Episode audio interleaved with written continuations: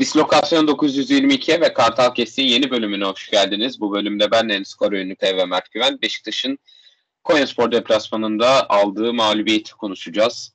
Ee, bunun haricinde tabii doğal olarak şu anda gündemimizden ötürü e, Önder Hoca'ya, Önder Hoca'nın geleceğine veya Beşiktaş'ın teknik direktörünün teknik direktörlük pozisyonunda yönetimin ne gibi hamleler yapması gerektiğini düşündüğümüze dair de e, kendi fikirlerimizi sizlerle paylaşacağız. Konyaspor deplasmanı sezonun e, belki de şöyle geri dönüp baktığımızda en zor deplasmanı olarak hatırlayacağımız maçtı. E, çok da soğuk ve sisli bir havada oynandı maç. E, bana 2012-2013 o dönemleri hatırlattı açıkçası. E, yani böyle bir sahada holosko falan izlemeyi e, izleyeceğim zannettim. Keşke holoskoda olsaydı bu arada işimize yarardı bu maçta ama e, çetin ceviz bir maç oldu. Çok sert bir maç oldu fazla sertliklere izin verilen bir maç oldu. Ee, özellikle bir tarafın lehine.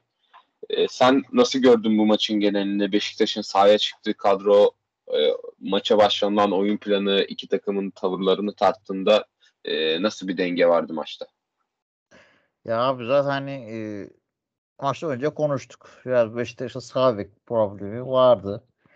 E, biz buna vidayı oraya çekip e, savunmayı gerek işte Serdar'ı stopere koyup e, atağa çıkarken üçlü savunmaya dörtlü rahat rahat dönebileceğin e, üç kişinin geride kalabileceği hem böyle savunma sıkıntısını da eksik yakalanmamak kaydıyla yaşan çözebileceğini düşündüğümüz bir varsayım üzerinden gitmiştim.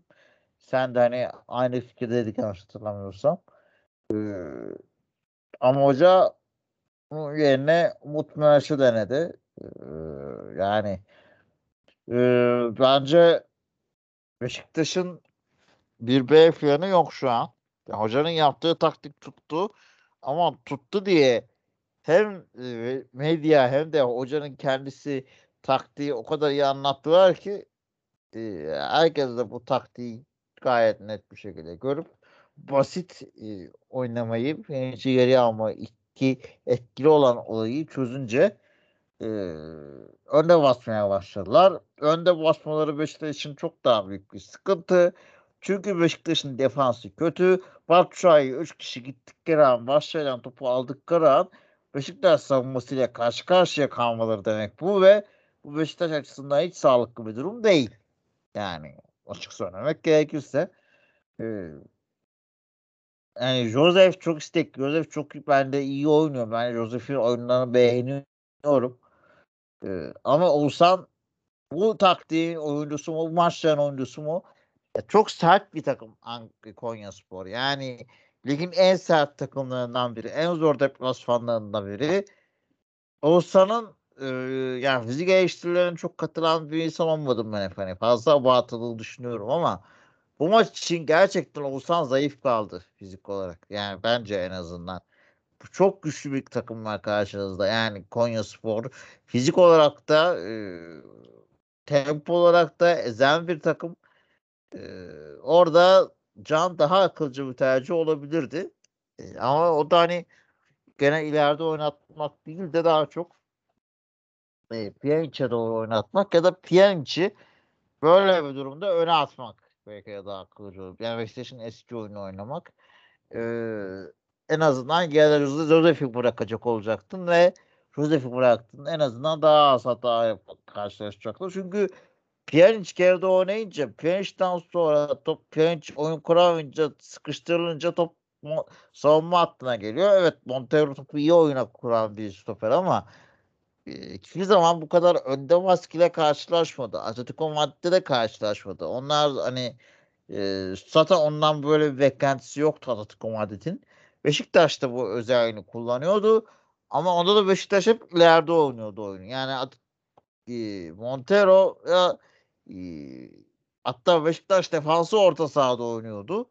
Ama şu an öyle bir görüntü yok. E, geride sürekli panik yapan bir savunma hattının yanında e, rakip de önde basınca e, hali telaş ediyor. Skor anlamda çünkü sürekli ezilmiş var. E, dolayısıyla ileri vuruyor. E, yani hatalar yapıyor yani Beşiktaş'ın açık söyleyeyim e, kazanabileceği maç değildi. 3 maçta oynasaydı Beşiktaş kazanamazdı bu atmosferde. Bak şu ayda tamam değinecek tarafı yok. Formsuz kötü. Geza bir şeyler yapmaya çalışıyor. Her şeye rağmen Rıdvan aynı şekilde e, Larin bence ayrı aynı ne de bir değişiklik yok. Üstüne üstlük çıkarken tarfalar falan artık ne olacaksa olsun Ocak'ta. Ama Villar'ın her maçta yükselen formsuzluğu yani a, yükselen formsuzluğu diyorum bak yani şu iğrenç bir kelime beyne bak yani. An formu diyemiyorum çünkü adam formu yok zaten. Adam form diye bir şey kalmadı. Hani ikisinin dibini görüyor artık. Hani sıfırın altına indi. Değerleri sıfır altına 10 oluyor. Gerçi matematikte o da düşmek sayılır ama olsun yani. Artık orada eksiye doğru yükseltiyor değerlerini yani. Öyle bir durumda şu an Vida. Ee, oyna hamleler Beşiktaş'ın belli. Açık konuşmak gerekirse B planı yok. Yani ben de tahmin ediyorum hocanın oyuna Can'a güvene atacağını.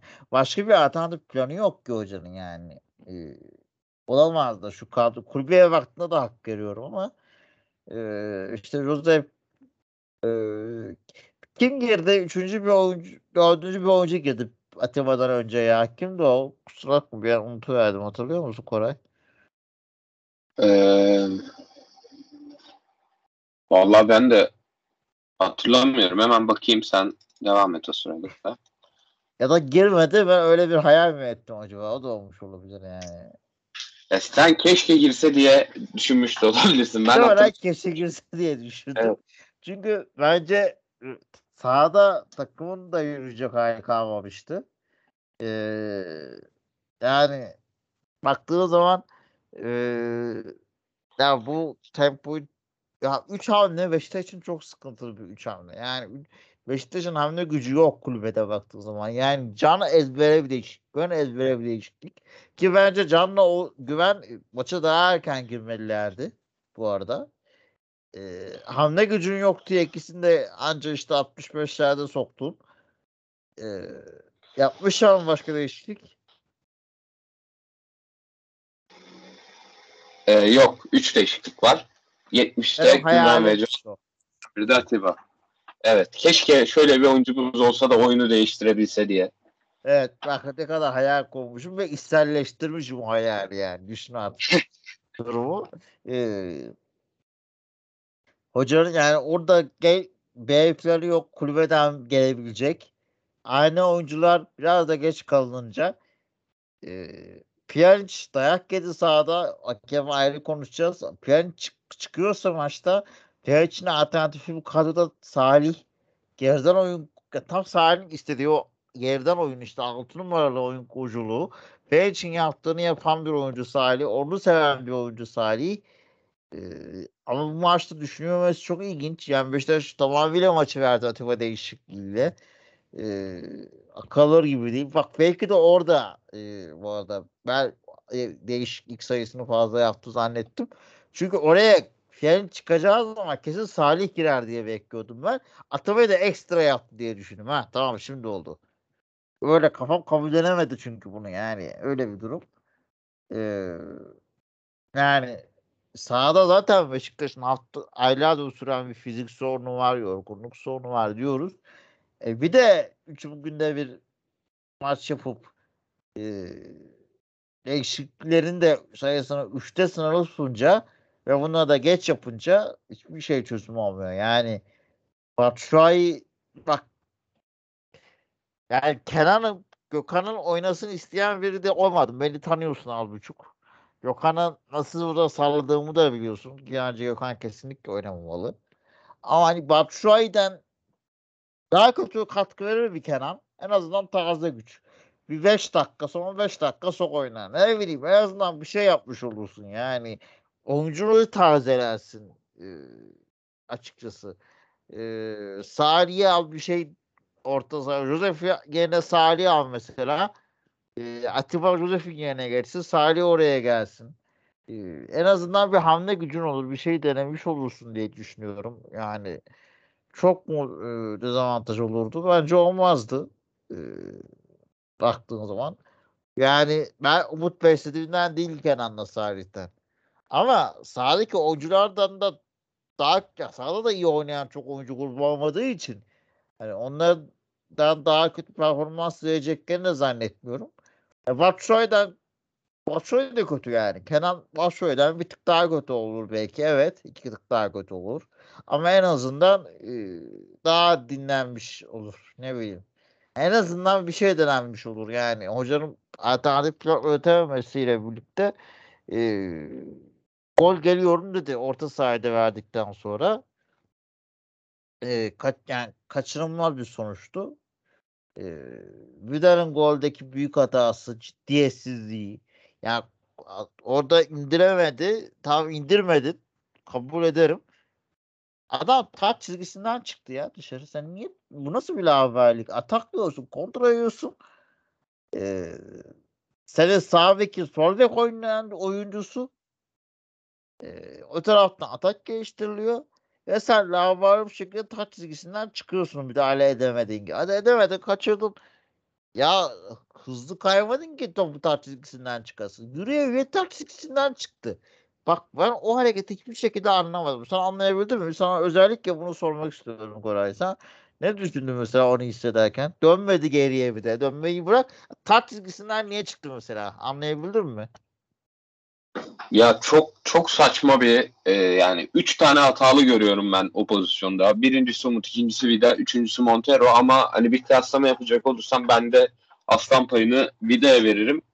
Yani orada hani kırmızıyı neden göze almadığı bilmiyorum. Yani bir kere kırmızıyı yemesi gereken pozisyona düşmesi de hata. Çünkü bir stoper olarak orada senin e, duruşunla beraber hamle üstünlüğünü alıp o topa müdahale edebiliyor olman lazım. Hadi edemedin. E artık en büyük özelliğinde biraz da bu yani. Evet. Hadi indiremedin. Taç çizgisinden çıkma veya koşarak geri dön be adam. Ya o ilk geçen top zaten kaleye gitmedi ki Ersin çıkardı onu. Sonra sekti. Top bir daha içeri geldi kalenin önünde ve tam senin savunman gereken pozisyondan gol oldu.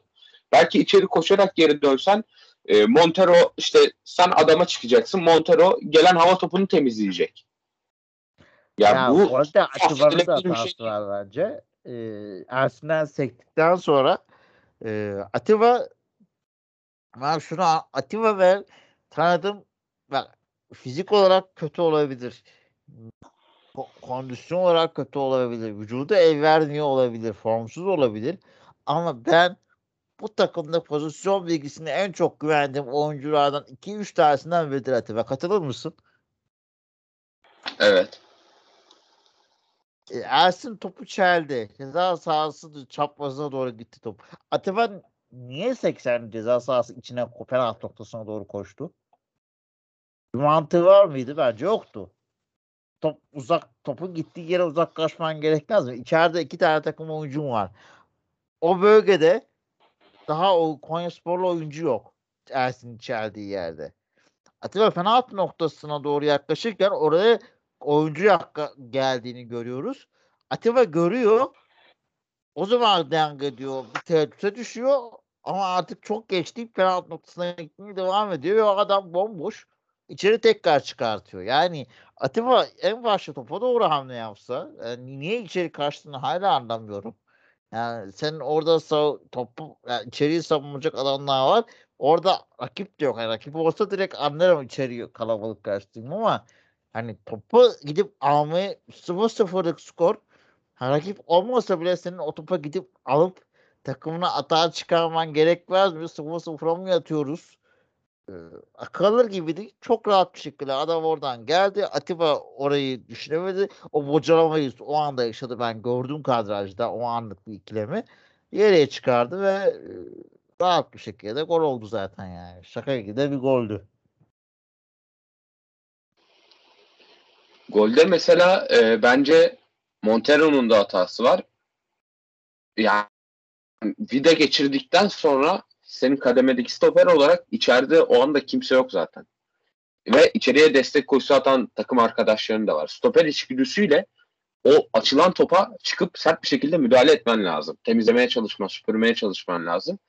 O önce içeriye hareketleniyor sonra kararsız kalıyor. Ee, adamla çıkmaya çalışıyor. İkisini de yapamayıp Bir de golde müdahale hatası yapıp golü yediriyor. Bence zaten Montero bu maçta her yönüyle kötüydü. Göztepe maçında da beğenmemiştim.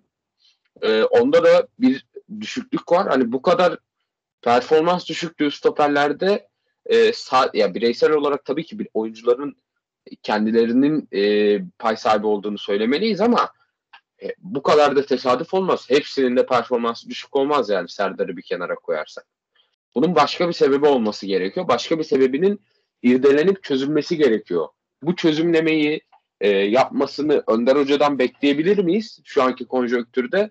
Onu biraz sonra daha detaylı da konuşuruz ama mesela bu maçta da savunmanın yani o kadar kötüydü ki özellikle ilk 15-20 dakika biraz daha biz derin blokta bekledik. Maç öncesinden hani Konya Spor'un böyle bir şey, buna yakın bir şey yapabileceğini söylemiştik. Ama biz daha çekingen davrandık. E, alanı savunmaya çalıştık ama yani savunduğumuz alana çok basit bir şekilde top sokabiliyor e, Konya Spor. Top sokmayı bırak e, oyuncu derine geldikten sonra sırtı dönük topu alıyor, dönüyor, işte pasını atıyor, koşusunu yapıyor. Tekrar ceza sahasına girip topu alıyor. Hiç müdahale eden yok. E, kaçıncı dakikada not almışım ben. E, not almamışım kaçıncı dakikada olduğunu. Ama maçın başlarında mesela böyle çok kolay bir şekilde Çikaleşi ile olması lazım. Şut fırsatı yakaladılar. Psikolojik olarak yani savunma futbolda hücumdan daha psikolojik bir şey bence. Kendinden eminlik, takımından eminlik. Sen topa çıktığında senin boşluğunu dolduracaklarından olan e, dolduracaklarına olan güvenle beraber hareket edersin. Ayakların geri geri değil de ileri gitmeye başlar. Eğer kendine güvenirsen, takımına güvenirsen. Ee, bizde biraz o eksik gibi gözüküyor. Ee, hem oyuncuların psikolojisine yönelik hem de takımın savunma yapısına yönelik çalışmalar yapılması gerektiğini düşünüyorum ben. Ee, biraz daha maçta kalalım. Hakemle birlikte döneceğim sana. Ben yani siz e, hakemlere değindiniz bundan daha önce. Ben biraz daha suya sabuna dokunmayıp o topu size paslıyordum daha önce. Hakem konuşmak istemiyordum ama e, Anadolu takım teknik direktörü gibi bir cümle kullanacağım. Maalesef hakem konuşmak zorunda bırakıyor insanı bu lig. E, yani ben kasıtlı değil veya böyle bir şey söyleyemem tabii ki. Sonuçta her takımın lehine aleyhine e, hakem hataları yapılıyor bu ligde ama tarafsız göze baktığımızda da çok hep hakemler. Çok kötü bir hakemlik. Art niyetli demiyorum. Kötü diyorum. Sen neler söylersin? Sana atayım topu.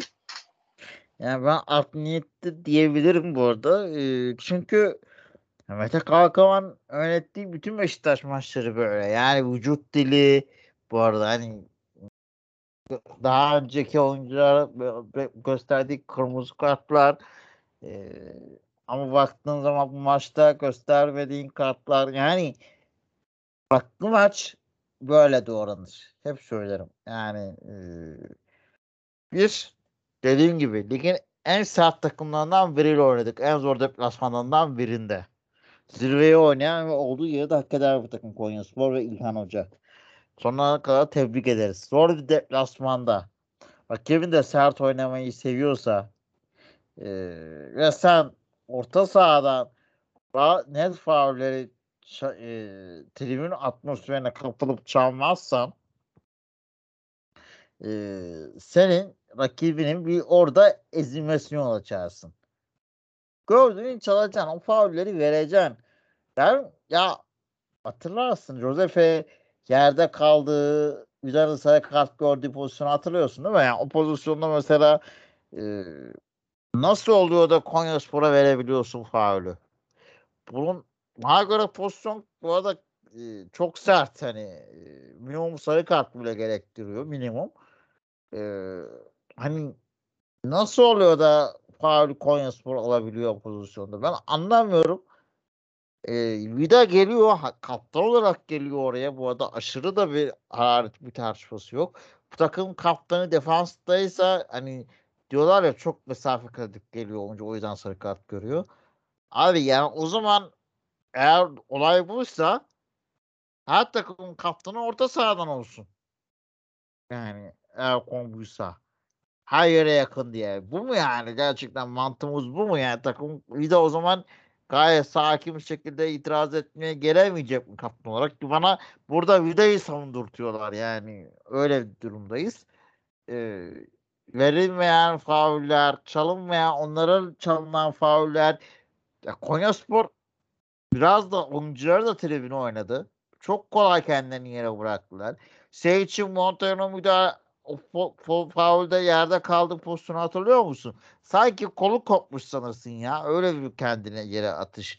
Veya işte diğer oyuncuların da birkaç müdahaleyle yani kart aldırayım da Beşiktaş'ı attırtayım oyundan diye bir uğraş yani e, ve buna da hakem uydu açıkçası. Yani bu çok kötü. Piyanç'ı Piyanç dayak yedi bildiğin maçta. Öyle böyle sert oynamadılar. Sert oynamayı anlarım bu arada. Bu oyun kuralları içindedir. Ama hakem bunu cezalandırmak zorunda makul oranda. Sarı kartsa sarı kart, kırmızı kartsa kırmızı kart. E sen bunu yapmadığın zaman yani bu biz önce oyuncumuzun dayak yemesi yanlarına kalıyor. Gileyin baya baya bizi büyük bir cezalandırma gibi oluyor. Ee, özellikle Piyaniç'e yapılan müdahalede ceza sahasının oradaki Enkunku'ga yanlış hatırlamıyorsam yani nasıl kırmızı kart çıkmaz ona ya inanılmaz yani. Bileğe basıyor ya. Bu bileğe basma labucum yok. Yok topuktan destek alıyor. Topuk hafifletmiş de. Abi niye hafifletmiş? Topuk bastıktan sonra değiyor çime. Yani bastıktan sonra çime değmesini nasıl bir hafifletebilir? Yani hepimiz lise okuduk. Hepimiz üniversite okuduk. Hepimiz az buçuk fen bilgisi fizik gördük. Böyle bir şey olabilir mi ya? Yani akıllar gibi değil. Doğranmaktır bu. Ya bildiğin doğradı mı? İnce ince doğradı ya. İnce ince doğradı. Zaten deflasmandasınız dedi. Sesinizi çıkaramazsınız dedi. İnce ince ince doğrandı Beşiktaş orada. Etli ekmek kıyması oldu. Etli ekmeğe kıyma yaptılar biz o maçta. Ya öyle böyle doğranmak değil. Çıkmaya rakibe kırmızı kartlar.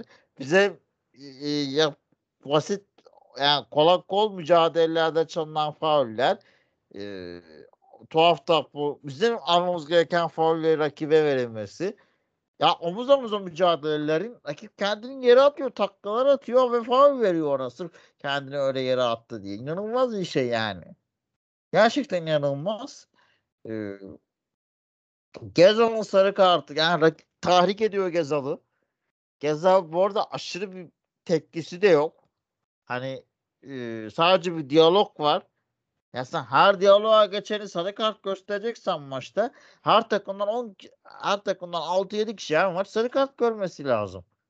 Ya herkese gösteriyor musun sarı kart? Adamlar basit bir diyaloğa girdi. 3 saniye sürmedi. Geldin olaya direkt sarı kart gösterdin ayırıp. De. Bu olacak iş mi ya?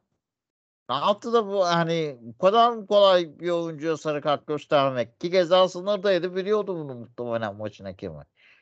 Yani olacak iş mi bu? Yani her yani bir ya birbirleriyle kafa kafaya toslaşan adamlara sarı kart çıkmadan maçlar oluyor.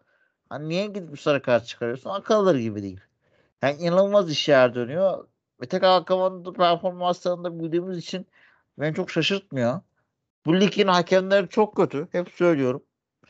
Standartın çok altında bir hakemlik performansı var. Ama bazı hakemler kötü niyetleri de kötü olduğuna inanıyorum bazılarının. Bazıları direkt kötü hakem, bazıları niyeti de kötü. Ee, yani bu da biraz onlardan biriydi. Yani ince ince çok güzel doğrandı Beşiktaş. Ee, tam hani diyorduk ya ayağa kalkma sinyalleri olacak mı olmayacak mı? Ee, olmayacak dediler. Hani ayağa sen e, or, e, Avrupa'ya gitmeye çalış. Kafanı fazla kaldırma. Ee, yok işte gene duygusal triplere giriyorsun. Yok işte önde hoca yok takım ayağa kalkıyor. Yok derbide iyi oynadık. Yok bilmem ne gol atıyoruz. O yerden geliyoruz. Biletler ucuz taraftar arkanda filan. Dur bakalım bir sana tekrar o eski moduna bir düşelim. Onu da yaptılar. Ee, çok doğru yani doğru bir zamanlamada doğru bir rakibe karşı yaptılar. Ee, hani Ersin'e el, baldırına basıyor rakip. Kart çıkmıyor. Ersin orada sakatlanıp yerde yatıyor.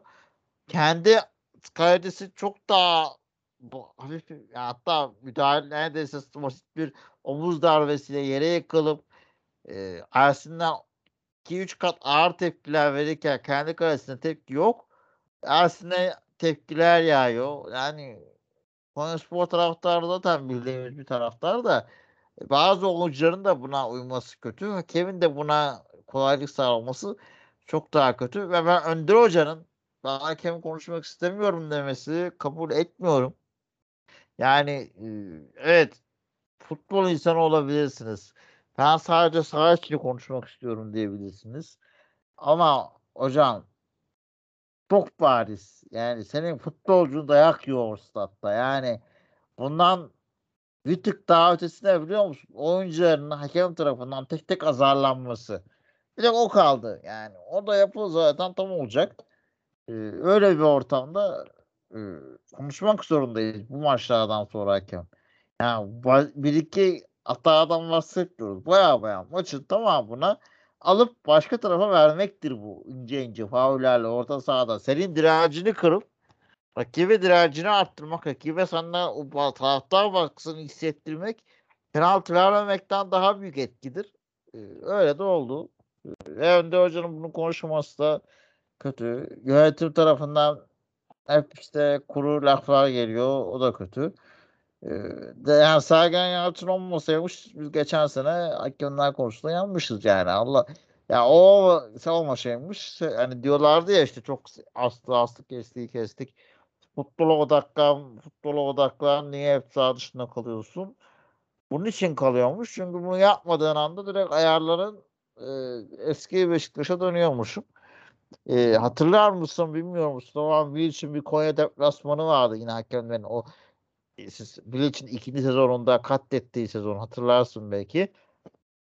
Yine bir Konya maçı, yine bir Konya deplasmanı, yine bir hakemler ve hakem performansı.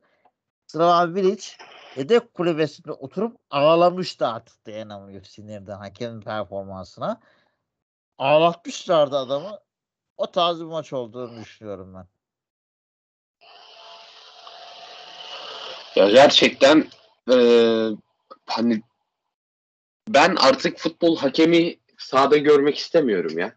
Çok gereksiz bir şey bence. Ekstra bir adam. Zaten e, 100, 105'e 68 mi oluyor sağlar? Öyle bir şey. 105'e 68'lik bir dikdörtgen 22 tane adamla paylaşılıyor. Bu oyun o kadar e, farklı kombinasyonların ortaya çıkabileceği bir oyun ki e, zaten bir insan tarafından kurallarının e, uygulanması, yansıtılması e, bence imkansız. Birkaç insan tarafından yansıtılmasının hatta ekranlar e, vasıtasıyla yansıtılmasının da imkansız olduğunu görüyoruz. Ben artık futbolun e, gerçekten futbol oynanmaya başlanılması için yapay zekanın bu işi e, devralmasını hasretle, özlemle bekliyorum. Çünkü sadece burada değil. Tamam bu maç özelinde sana katılıyorum. Gerçekten facia bir yönetim. Çok kötü bir yönetim.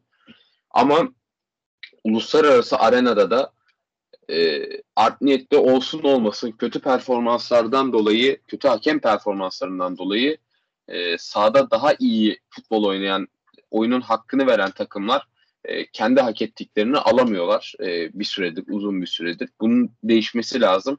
Futbolun e, beceri olarak ve strateji olarak doruk noktasını yaşadığı bu günlerde günümüzde e, hakem kötü hakem performanslarının bir futbol aktörü olması da benim içim kaldırmıyor açıkçası. E, bu işin tek çıkış yolunun ben yapay zeka olduğunu düşünüyorum. E, biraz da Önder Hoca'nın durumuna geçelim. Yani yine bu e, maçtan sonra da soruldu neler yani ne olabileceği kendi mevkisiyle alakalı. Yine hoca alışı, alıştığımız cevaplarından birini verdi. Artık aynı cevabı e, farklı kelimelerle tekrarlamaktan adamcağız yoruldu. E, Beşiktaş'ta tekrardan e, teknik direktör arayışlarının e, alevlendiğini, teknik direktör arayışlarının yeniden başladığını e, söyleyenler oldu. E, haber kanallarından böyle bilgiler aldık. E, sen ne düşünüyorsun bu konuyla alakalı? Senin yine Şenol Güneş fikrin ve tahminin devam ediyor onu biliyorum ama hocayla devam edilmesini ister misin veya hoca görevine devam ederken bir yandan teknik direktör e, bakılmalı mı? Ben mesela kendi fikrimi söyleyeyim sana atmadan önce. Ben e, gerçekten içimize sinen ve e, tercih edebileceğimiz bir teknik adam e, fırsatı önümüze çıkana kadar bu sezon boyunca Önder Karaveli ile devam edebileceğimizi düşünüyorum.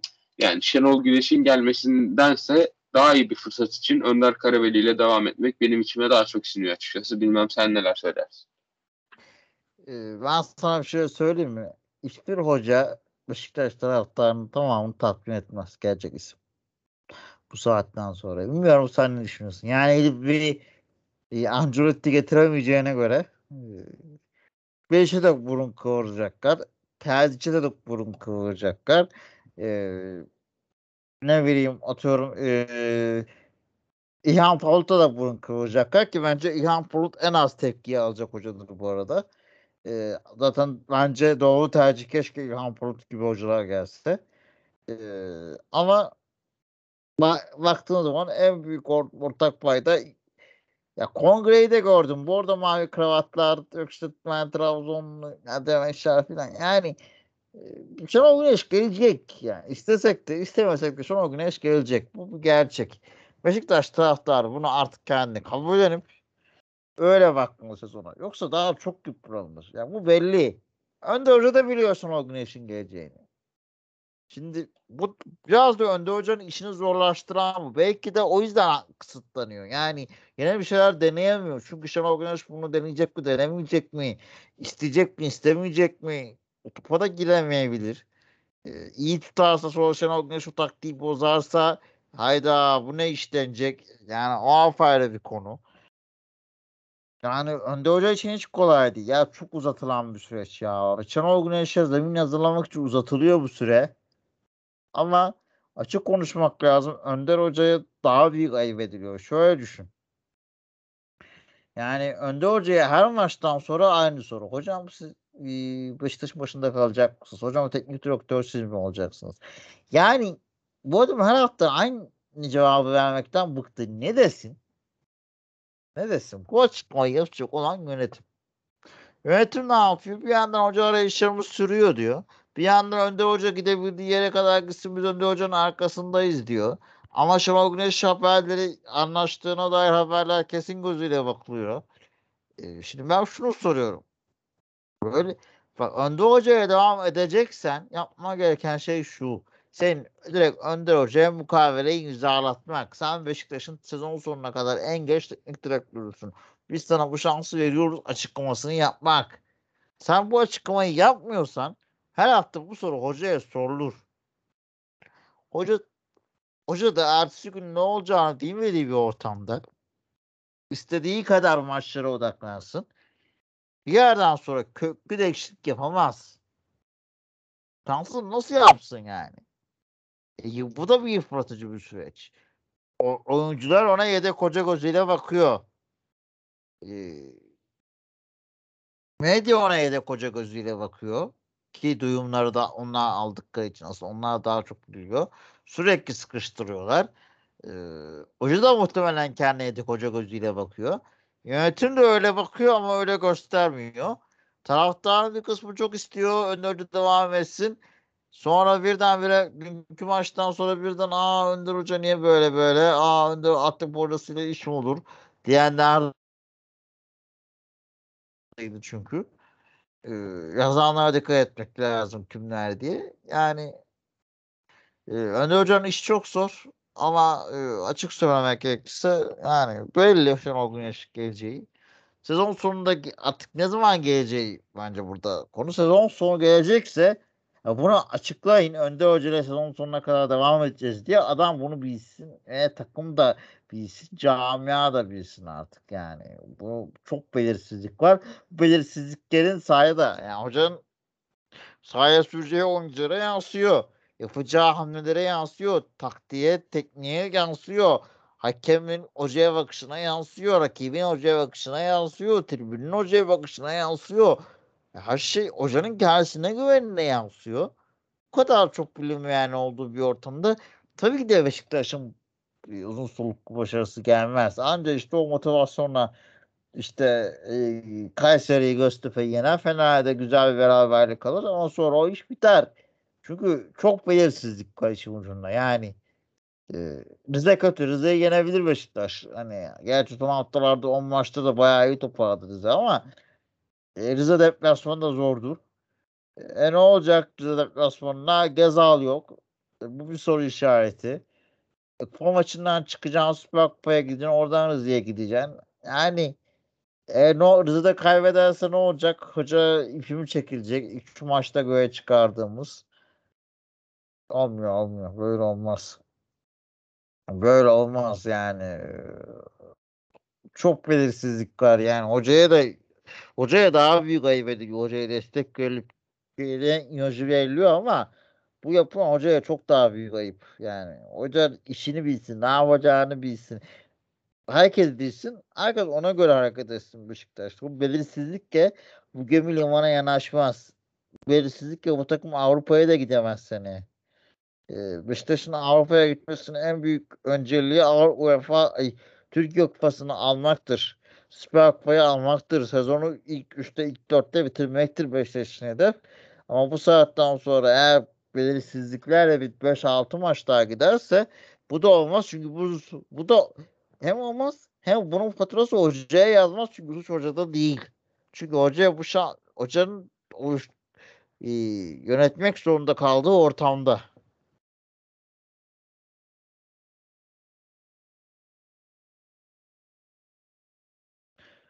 Kadar anlamlı konuştum ki Koray mikrofonu bile açamadın.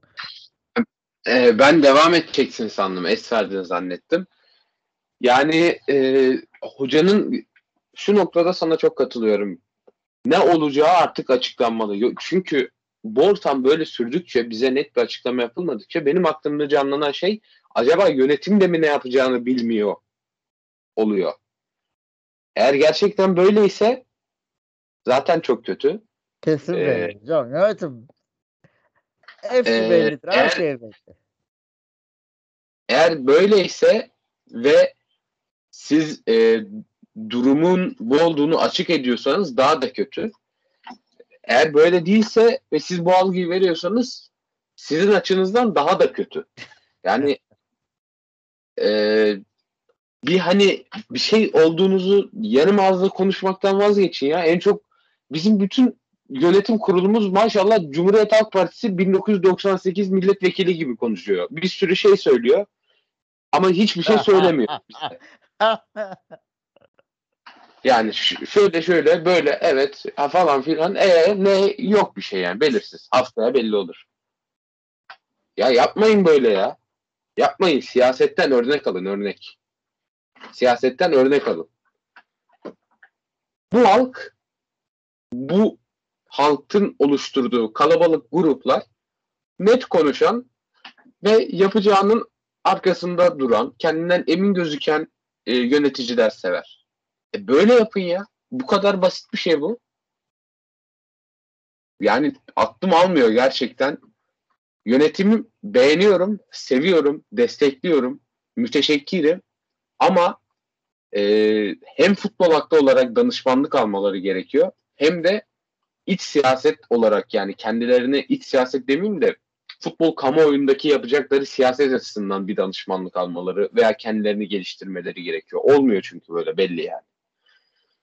Ee, onun haricinde hoca konusunda yavaştan kapatacak olursak e, Altay maçına gidelim. Kupaya sen de hafiften pas attın. E, gerçekten çok çok önemli bir maç. Çünkü e, bu ligde yukarı çıkmak zor. Gitgide her hafta e, puan farkları açılıyor. O yüzden kupayı almak şart. Avrupa açısından şart. Bu kadar kötü giden bir sezonu psikolojik olarak e, kompanse etmek için şart. E, tabii ki en önemlisi tarihimize bir kupa yazdırmak için şart. Ve bunun ilk ayağı da hiç kolay olmayan bir maçla başlıyor. Altay karşısında.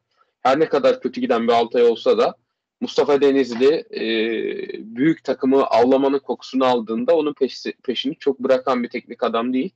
Ki son ee, bence oyun olarak da iyileşme var Altay'da. Sonuç gelmesi de. Ya bir de Beşiktaş'ın şu belirsiz durumundan faydalanmak için Hatta yani belki biraz ütopik bir şey olacak ama kendini de ufaktan hatırlatmak için e, de bize hoş olmayan şeyler e, yapabilir Altay takımı. O yüzden dirayeti kaybetmemek lazım, gardı düşürmemek lazım diye düşünüyorum. Sen neler söylersin Altay maçıyla alakalı? Ki muhtemelen Perşembe maçı yılbaşından bir gün önce. Muhtemelen tribünlerde çok da olmayacak. Oyuncuların, yabancıların çoğu bizimkilerin Lan 5 gün sonra kupa maçı var. Biz nasıl tatil yapacağız? Biz nasıl eğlenceli modunda gezecekler? Ee, yani ben çok tehlikeli bir maç Beşiktaş için ya. O kadar tehlikeli bir maç ki yani. Anlatamam sana. Ee, baktığın zaman e, yani kupanın önemi çok büyük. Şu an Beşiktaş en önemli yani kupaya odaklanma şansı yok. Kupayı almak zorunda. E, bu sonucun ardından. Çünkü senin ligde de önüne çıktı. Yani senin ligde ilk 3'e ilk 4'e gideceğin şu an garantisi yok. Çünkü oyun olarak bir şey vaat etmiyorsun. Hani şey desek Beşiktaş ayağa kalkıp toparlayacak. Hangi kadroyla yedek kulübesinde 3 oyuncu haline sokabiliyorsun? Geçen sene nicelik e, yoktu Beşiktaş'ta. E, gene 14 oyunculu yoktu. Evet. Ama şu an nitelik olmadığı için 14 oyuncuyla oynuyor Beşiktaş. Çok daha büyük bir sorun. Ee, Türkiye Kupası'nı almak zorunda. Önder Hoca'nın açıklamaları var. Rotasyon yapamıyoruz. Fikstür çok sıkışık, sıkıntılı bir durum diye. Ama hocanın rotasyonu Türkiye Kupası'da rotasyon olarak görmemesi lazım. Rotasyonu orada yapmaması lazım. Türkiye Kupası Beşiktaş'ın asıl hedefi olmalı. E, Süper Kupa'da asıl hedefi olmalı. Rotasyon yapacaksan ligde yapacağım gerekirse ama Türkiye Kupası'na ve Süper Kupa'ya asıl Beşiktaş'ın böyle bir durumda bu kupaları alması bence çok daha mühim e, olur diye düşünüyorum. Maçı önemi bence çok daha büyük. Mustafa Deniz de dediğin gibi sever böyle maçları. Altay oyun olarak kendini düzeltmeye başladı. Son haftalarda skorlar gelmese de e, bizi bize karşı yaşattıkları zorluklar da ortada. Biz, muhtemelen Mustafa Deniz de görmüştür. Yani her hocanın gördüğünü Mustafa Denizli gibi kurt bir hoca hiç mi görmeyecek? O da görmüştür zaaflarını Beşiktaş'ın. O da muhtemelen oralara oynayacaktır. Hatırlarsın 6 ay deplasmanında Beşiktaş'a önlü basmıştı. Mustafa Denizli bayağı başarılı olmuştu zaten. İlk bunu yapan adam bir de kendisi. Yine öyle yapacaktır zaten. yani o kadar kolay bir maç geçmeyecektir. Beşiktaş'ın ana hedefi bence bu maç olmalıdır. Konya maçından daha büyük önemli bir maçtır benim için. Altay maçı.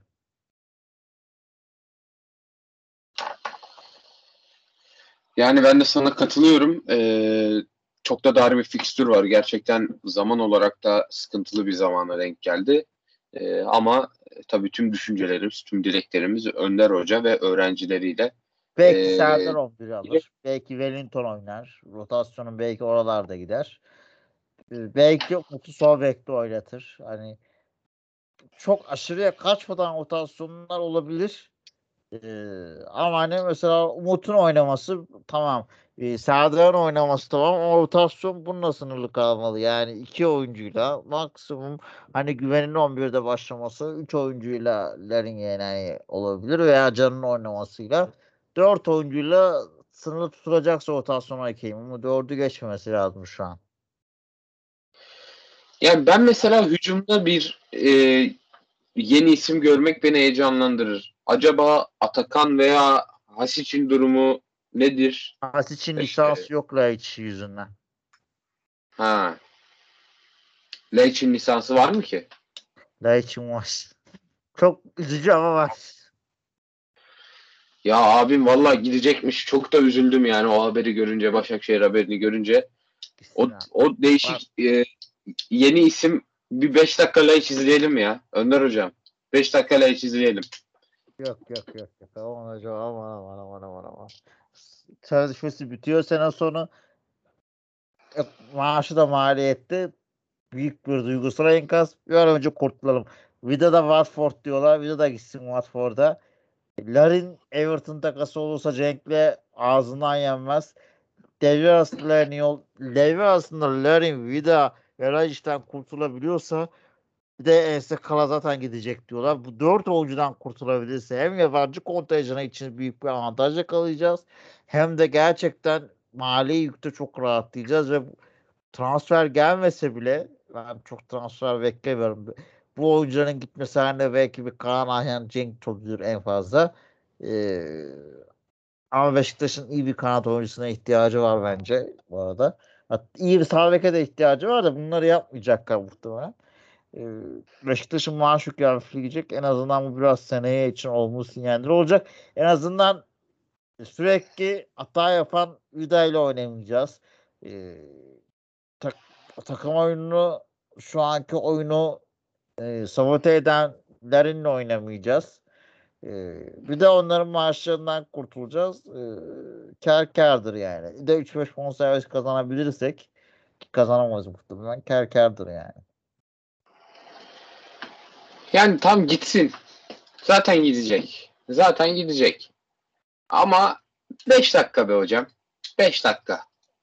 Yani bize çok görmeyin bu 5 dakikalık mutluluğu birlikteliği Alex diyorum. oynayabilir Evet. bak. Bir arada oynasa bir takılsalar sahada. Bunlar hoş hoş varyasyonlar olur bence. Değil mi? Güven, Güven Santrifor'da, solda Alex, ortada Laiç, sağda Gezal. Öf.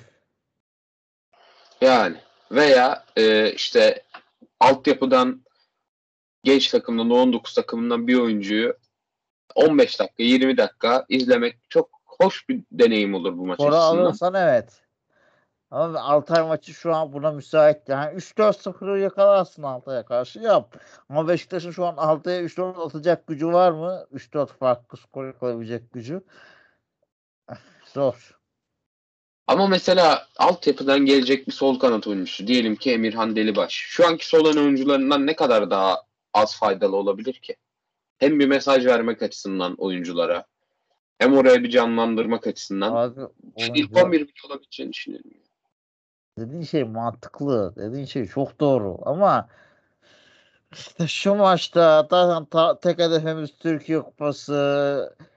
Yani buradan elensek Önder Hoca o çocuğu burada oynatmanın zamanı mıydı? Senin hedefin bu. Sen yarışmacı takıma geldin. Burası oyuncu yetiştirme yeri mi? Bur neler neler denecek ya. Biliyorsun sen de. Evet öyle bir tarafı da var maalesef. Yani bak ben isterim dediğin olsun. Ben mesela e, Larin'den, Alex'ten daha çok oynasın isterim Emirhan'ı. Ben ist- yani ikisi de sevdiğim oyuncular değil ama yani Türkiye dinamikleri bu ne yazık ki. Yani ya Beşiktaş anca Türkiye Kupası asadef olmadığı zaman bunu yaptığı zaman çok yargılamıyor taraftarlar. Ama şu anki bir durumda asarlar hocayı. Direkt Cuma günü yeni yıl 31 Aralık bitmeden Şenol Güneş imzayı attırırlar. Doğru diyorsun. Öyle bir tarafı da var maalesef hayatın gerçekleri. O zaman e, iyi dileklerimizi iletelim bir kez daha takımımıza ve Önder Hoca'ya. E, umarız ki bu önemli kulvarda ilerlemeyi, ilerlemenin ilk adımını atabiliriz Perşembe akşamı. E, ağzına sağlık Mert. Dinlediğin için teşekkür ederiz. E, bir sonraki bölüm. 2021'de dolu bir yayın yaptık. Dolu dolu 2021'de. Ee, Cuma yapamazsak muhtemelen yeni yılın ilk zamanlarında yayın yaparız belki. Hani e, yoğun bir 21 geçirdik Beşiktaş adına. Harika bir 6 ay geçirdik. Çok kötü bir 3-4 ay geçirdik.